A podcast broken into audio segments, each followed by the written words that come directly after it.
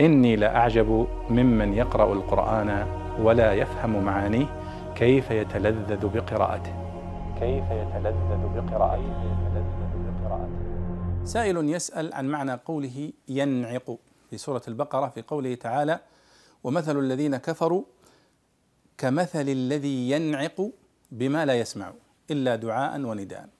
يقول ما معنى ينعق؟ فالجواب أن ينعق بمعنى يصوت. ينادي يدعو. لكنه يدعو ماذا؟ يدعو الغنم أو يدعو الإبل أو يدعو البقر. وهذا صنيع الراعي. الرعاة دائما تلاحظون أنها تصدر أصوات للغنم تصدر أصوات للإبل حتى تشرب حتى ترعى حتى ترتدع من تذهب إلى مكان أو أو كذا. فينادي عليها يصوت عليها بصوت فتستمع له وتستجيب له الغنم أو الإبل أو البقر الأنعام التي لا تعقل.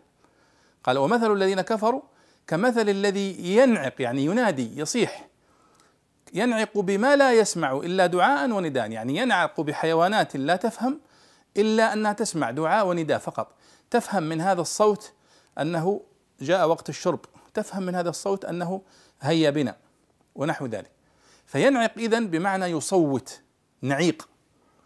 وكأنه الصوت الذي لا يفهم منه شيء إلا أنه علامة على آه، كف أو على فعل. كما قال الأخطل آه، يعني يهجو جريرا آه، فانعق بضأنك يا جرير فإنما منتك نفسك في الخلاء وبالا أو ضلالا فإذا فانعق بضأنك النعق بالضأن يكون بالضأن أو بالإبل أو بغيرها من الحيوانات.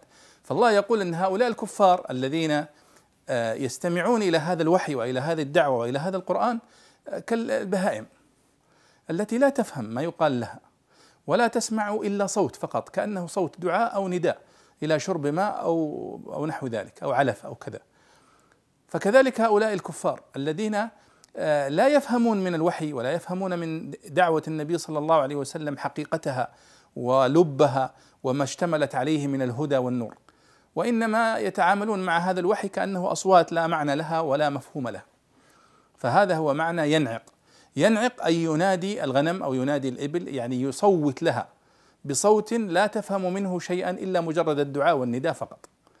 فالله شبه الكفار بهذه البهائم التي لا تعقل ولا تفهم من الصوت ما حقيقته ونوره وهداه الذي فيه وإنما تفهم منه مجرد الدعاء والنداء إما لشرب أو أكل فقط.